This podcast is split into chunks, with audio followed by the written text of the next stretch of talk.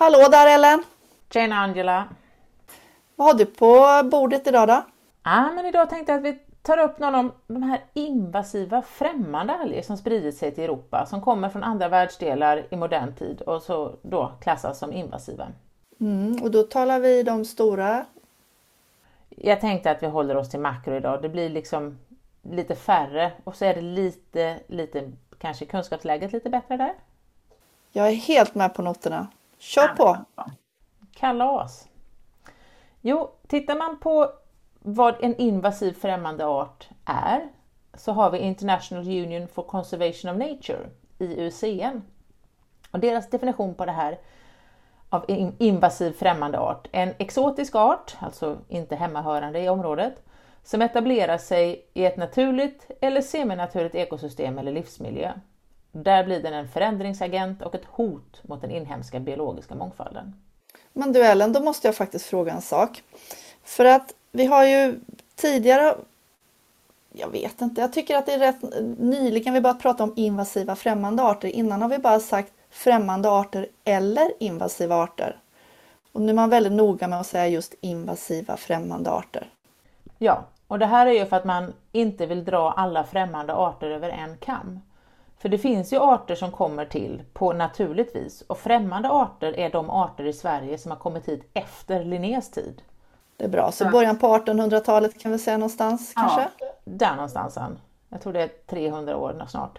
I och med att vi har den, den tidsgränsen att fanns de i Sverige innan Linné så anses de vara inhemska och efter Linné, om de har tillkommit efter det, så är de främmande. Men för att vara främmande så behöver de ju inte vara invasiva. Tittar vi på Naturvårdsverkets hemsida så säger de att invasiva främmande arter är arter som med människans hjälp flyttats från sin ursprungliga miljö och i sin nya omgivning börjar sprida sig snabbt och orsakar allvarlig skada för ekosystem, infrastruktur eller människans hälsa, vilket medför stora kostnader för samhälle och enskilda. Så där har vi lite mer människopåverkansaspekten också. Mm, just det. Eh, men herr Ellen, har du några exempel på främmande arter? Ja, men jag tänkte att eftersom vi är algpodden så kan vi faktiskt ägna oss åt de alger som är främmande invasiva arter. De har rapporterats för alla de tre taxonomiska indelningarna hos makroalgerna, om vi nu håller oss till makroalgerna eftersom kunskapsläget där var bättre. Mm. Och då är det så att rhodophyta har faktiskt mer än dubbelt så mycket som både feofyta och klorofyta tillsammans. Men ta då i beaktande att rhodophyta är den minst studerade gruppen. Ja, okej. Okay. Så att eh, det finns ganska mycket rödälg. Jag tänkte vi kan prata lite grann om det. Det högsta antalet främmande alger, eller främ, ah, främmande alger, invasiva alger, har rapporterats i Medelhavet. Mycket båttrafik där och eh, arterna som invaderar eller som kommer dit eh, har huvudsakligen ursprung i nordvästra Stilla havet och Indostilla havsområdet där, så Indiska oceanen. Pacific. Jag måste ju lägga in en teaser där för en av mina favorithatobjekt där det är ju kaulerpan. Av, jag tänker att vi avslutar med den för blodtryckets skull. Bra tänkt! Mm. För det, det är ju en, en, en riktig rysarhistoria. Mm. Med lite knorr. Den har, oj, den har knorr. Vi får ju bara tänka på att de flesta främmande alger introduceras ju faktiskt av misstag. Det får vi tänka på. Det är en liten, liten del som förs in med avsikt och flit och mening. Och det är det oftast för vattenbruksändamål. Och då var det oftast innan man visste bättre helt enkelt. Spola ner från akvarier i toan. Ja, eller man tänkte den här arten var bra, den behöver vi odla för vi har dåligt med mat och så förstår man inte att det också påverkar de arter man redan har negativt. Nej, precis. Det är sånt vi har lärt oss. Vi får tänka på att marinbiologin som vetenskap faktiskt inte är så särskilt gammal. Nej, det har du också rätt i. Vi ligger efter där. Det gör vi. Men vi behöver inte göra om alla misstag som man har gjort på det terrestra området för det. Nej, nej, och man tycker att någon gång kanske folk kunde lära sig någonting också. Men det, mm. vi är alla olika, så är det. Mm. Skälet till att de blir invasiva är oftast för att de har någon form av särdrag, exempelvis kapacitet för framgångsrik spridning brukar vara en sån här viktig grej för att kunna bli invasiv. Men man kan ju faktiskt aldrig vara riktigt säker på vad som kommer att hända när de väl har infört sitt område. Kommer de etablera sig framgångsrikt? Eller kommer de till och med bli skadliga? Av denna anledningen så kan man inte riktigt definiera en alg som invasiv i absolut mening eftersom När den är invasiv så kan den också påvisa olika beteenden, alltså ha olika effekter inom olika områden och på olika skalor. De kan både ha anpassat sig och de kan ju också ha, kanske i värsta fall, även muterat. Precis, de kan ha korsat sig med lokala arter till och med. Och i vissa områden så kan det vara så att de fyller en nisch som inte har varit ockuperad. Ser vi på Östersjön så skulle det kanske inte göra så mycket om det kom in några fler arter så länge de inte konkurrerade ut de arterna som finns där redan. Mm. Men vad, vad, gör vi åt dem då? Ja, det undrar jag också. Vad gör vi åt dem? Kan vi göra något åt det? Alltså... Men jag tänker lite så här, alltså att när det väl har skett så är det ju svårt att göra något åt det. Att det här är ju viktigt att man verkligen är på hugget. Helst innan de kommer in i landet eller i våra mm. vatten. Eller hur? Absolut, och det är därför som jag tycker det är jätteviktigt att man har en övervakning. Man skulle framförallt kunna övervaka de så att säga, hotspots där nya arter brukar komma in. Då tänker jag exempelvis på hamnar. Om det sker med båttransport, att de åker i ballastvatten eller på ett båtskrov. Så skulle man kunna ha en extra övervakning av hamnar just för att se efter, undersöka om det kommer främmande arter. Vi har ju rening av ballastvattentankar men det fuskas ju en del med det ibland. Ja, och det gäller ju för stora handelsskepp. Men jag menar, du kan också lifta på ett båtskrov på en fritidsbåt. Det kan du absolut göra och sen så återigen då, det här med akvarier. Mm. Man byter fiskar, man byter växter. Jag menar alger kan följa med fisk, alger kan följa med skal. Och eh, det, finns många olika vägar att, ta sig in i landet. Landet, det låter, det låter ju ja, invasiv, det, det låter som det är en invasion på gång. Men eh, det är ju ett problem och vi ser ju att det har ökat. Så egentligen så snart man upptäcker att det har kommit en ny art och då ska ju någon se den och reagera på att den här verkar vara någonting annat. Sådana som du och jag står ju och spenderar otroligt mycket tid blängandes ner i vattnet och ser vi någonting som vi inte tycker passar in så reagerar vi. Vi kanske också håller oss lite uppdaterade på vilka arter som börjar krypa närmare våra gränser och håller utkik efter just dem. Så kallade dörrknackare? Ja men precis, så vi skulle ju behöva vara fler som stirrar ner i vattnet och tittar och, och har liksom tränat blicken för att hitta någonting som inte hör hemma där. Och då kan vi ju faktiskt passa på att göra reklam för rappen och det kan man googla. Och det är Havs och vattenmyndigheten som har en app där man då enkelt kan rapportera in sådana här observationer. Och det behöver inte vara att man är säker på att det är en främmande eller invasiv art utan att man, det är någonting man inte känner igen riktigt. Precis. Och då kan man ju också samla in den om möjligt och eh, pressa den i ett litet herbarieark och skicka med. Mm. Det är ju en utmärkt idé. Det tycker jag skulle vara bra. Men sen har vi väl också över, jag hoppas verkligen att vi har det, men det vet jag inte ska jag erkänna, om vi kontrollerar ostron, alltså när vi importerar ostron och skaldjur i största allmänhet. För där har vi ju bevisligen fått med en del som sen har blivit invasiva eller åtminstone främmande arter i våra vatten. Mm. Jag vet inte heller hur det är med, med skalhygienen på importerade ostron. Jag vet att Sverige exporterar ostron, så det är ju bra. Då, då får, vi, får vi inte in problemet så att säga. Men eh, nej, det, det, vet jag inte heller. Det borde man ju göra. Men frågan är hur man kan göra det utan att skada ostronen. Ja, alltså, jag vet ju, nu har vi ju redan pratat om sargassotång, men det var ju en som etablerade sig i svenska vatten, observerades första gången på 80-talet. Nu har etablerat sig och att den följde med franska importerade ostron. Ja men precis. Nej men alltså, när man upptäcker en ny alg så bör man ju väldigt snabbt få in det till berörd myndighet så man kan bedöma och gå ut och titta hur, hur, mycket, hur stor utbredning har den fått här? hur verkar den spela in i vårt ekosystem? Hur påverkar den våra trofiska nivåer? Den kanske tränger undan några algarter lite grann men den kanske också påverkar djurarter. Mm. Det vet vi ju inte, så det behöver man ju ta reda på illa kvickt när man ser att den kommer, har kommit in. Och sen så, så skulle man ju behöva ha planer för eventuell utrotning eller förvaltning på något sätt av den här arten. Men vad skulle du säga om man, om man gör en utblick nu då? i litteraturen. Hur, globalt sett, hur många introducerade alger har vi i världens hav? Alltså där människan har hjälpt till. Jag googlade runt lite grann och det verkar som att det är ungefär 280 arter av introducerade alger för närvarande i världens hav. Men introducerad är alltså att den har bytt, flyttat till en annan ort så att säga. Men den har inte blivit invasiv. Majoriteten har inte visat någon invasivitet ännu. Men det ska ju tilläggas att det är faktiskt ganska få arter som är utförligt studerade angående invasionsmönster och effekter på den här nya miljön. Även om kapaciteten för invasion, även en lång period efter att de har introducerats, redan är känd, så skulle det kunna vara tickande bomber. Ja, men det har du rätt i. Men du pratade om eh, att rödalgerna var den stora gruppen här. Ja, ska vi börja där? Men jag tycker det. Vad har du, vad har du några spännande exempel? Ja, jag tänkte faktiskt då börja med en alg som hör till en ganska vanlig grupp som folk känner till, fast de kanske inte känner till den. Och den hör till den här gruppen Pyropia porfila eller Neopyropia-gänget. Det är alltså det som du rullar runt din sushi.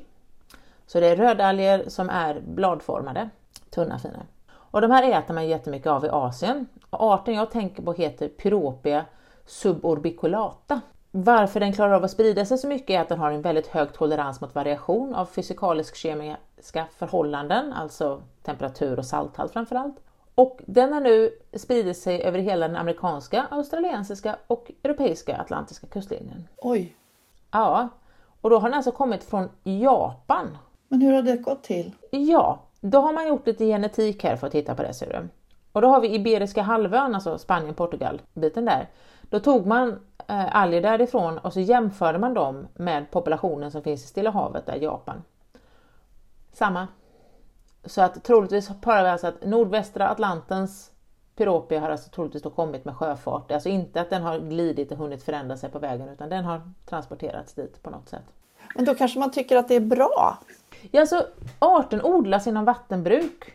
Den är godkänd för odling av vattenbruk. Eh, den äts. Så att vi har en mänsklig nytta av algen. Och det är ofta det också, ska ju tilläggas, att de här urvalen som jag plockat i nu här har ju oftast varit sådana som vi har nytta av också. Igen, för att det är mer dem vi tittar på. Jo, men det är klart. Ja. Och den här är ju en, en jätte, jättegod och smarrig alg så att då kan man ju tycka att ja, men det gör väl ingenting om den kommer hit, vi kan ju äta den. Nej, men då får vi se till att äta upp den också. Men har vi sett några problem med den? Förutom att man har sett att den har spridit sig? Nej, jag har inte sett några rapporterade problem med den annat än att den då kan, gissningsvis kan konkurrera ut. Alltså, I havet så är det ju konkurrens om substrat, alltså yta att sitta på.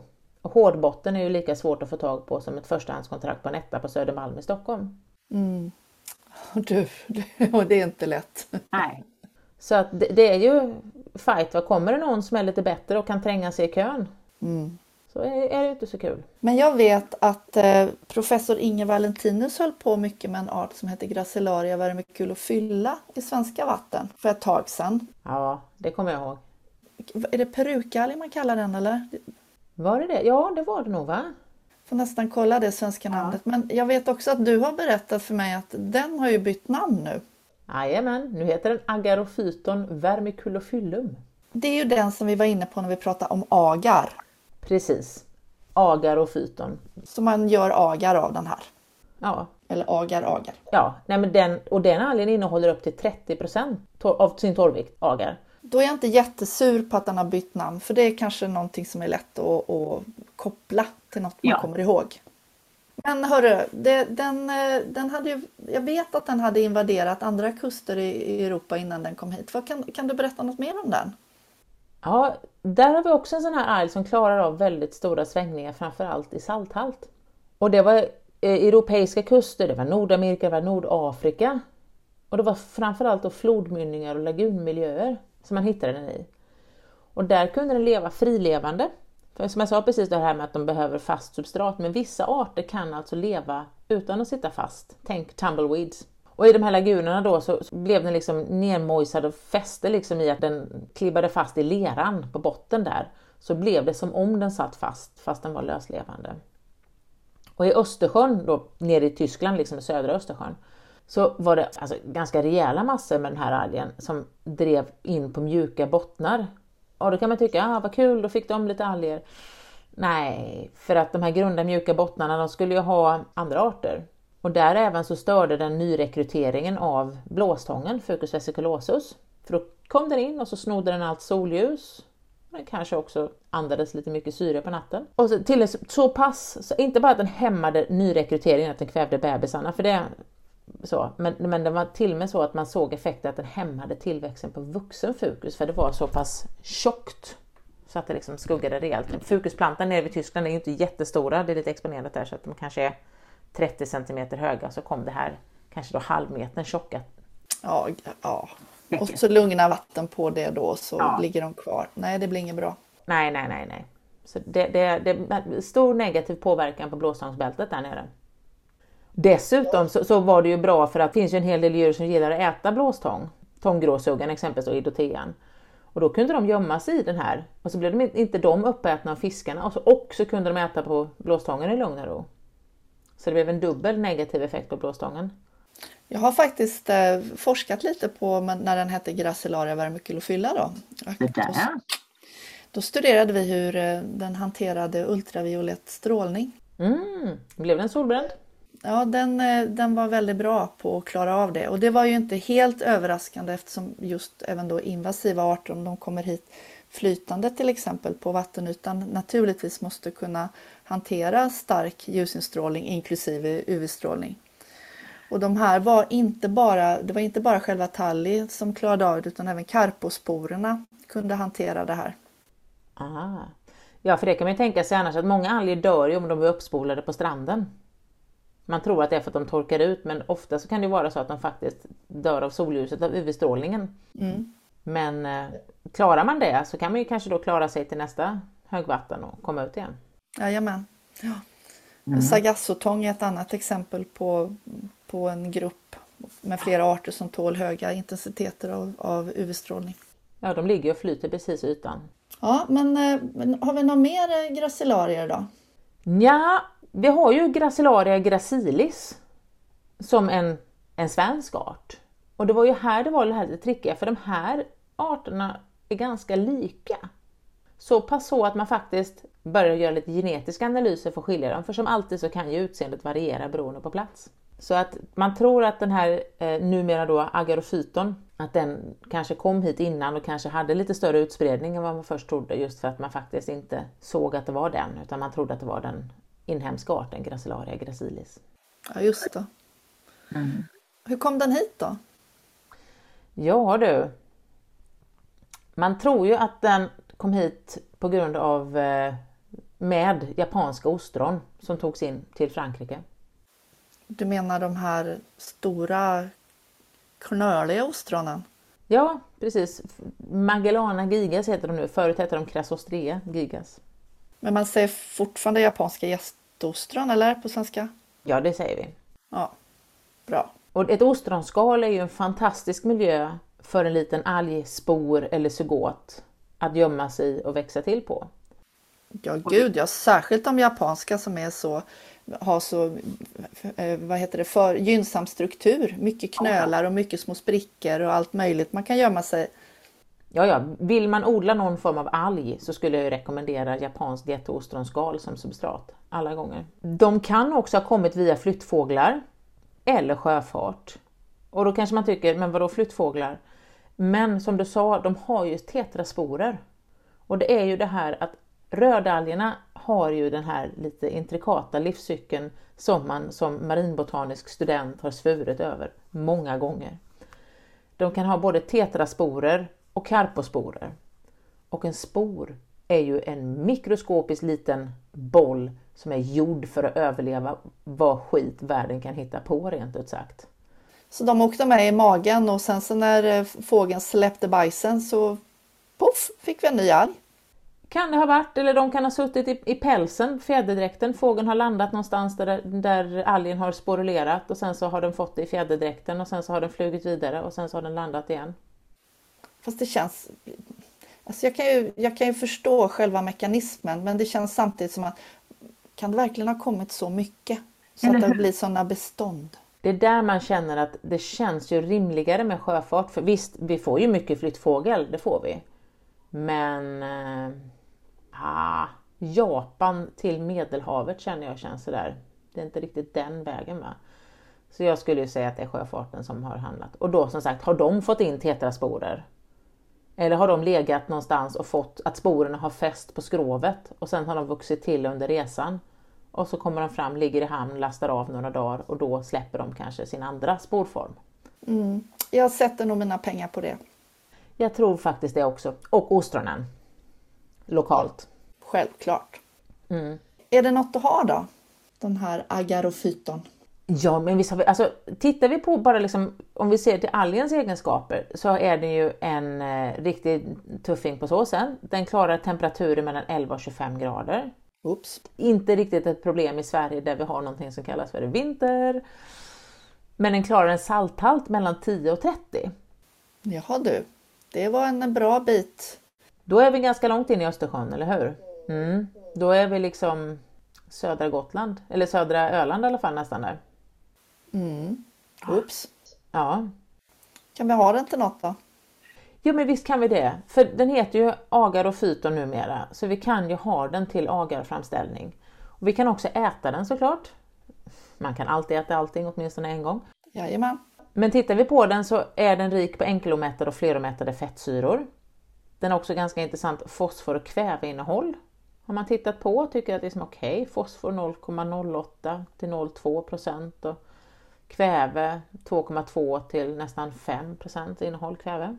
Och sen så av denna anledningen så har man då sett att det här är en ganska billig version för att komplettera djurfoder för att förbättra vattenbruksfiskarnas näringsprofil. När man odlar fisk så la man i lite du vet, det vegetariska på tallriken till fiskarna. Och då blir det en bättre näringsprofil men också det organoleptiska kvaliteten. Nytt ord som jag har lärt mig. Ja, det var nytt. Ja, organoleptisk betyder alltså den sinnliga upplevelsen, alltså smak, doft, känsla etc. Så det här är alltså hur fiskarna kanske inte ser och sitter där och bara mmm vilket delikat foder. Men det smakar gott för dem och luktar kanske mm, så. Så att fisken tycker om att äta, äta fodret. Det är inte en, en avskräckande substans utan de tycker det blir godare. Och då har vi en av de arter vi odlar mest i Sverige är ju regnbåge.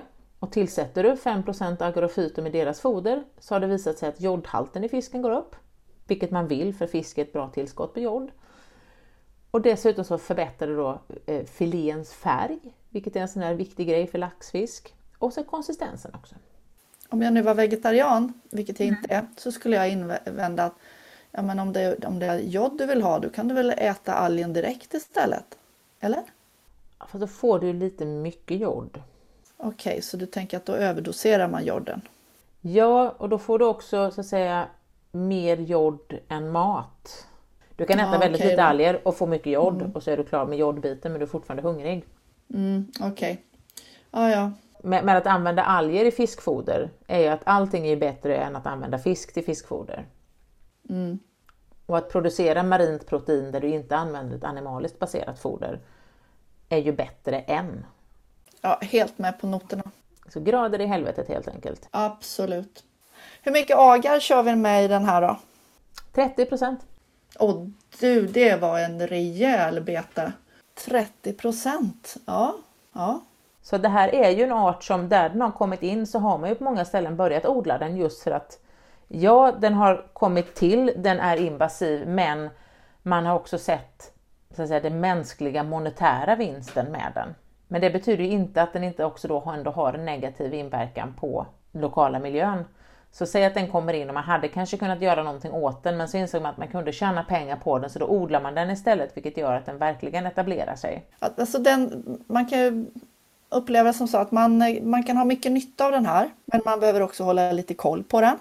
Oh ja, oh ja. Om man nu ska odla den, hur tänker du att man ska odla den? Ska man odla den i havet eller ska man odla den i havsvatten på land?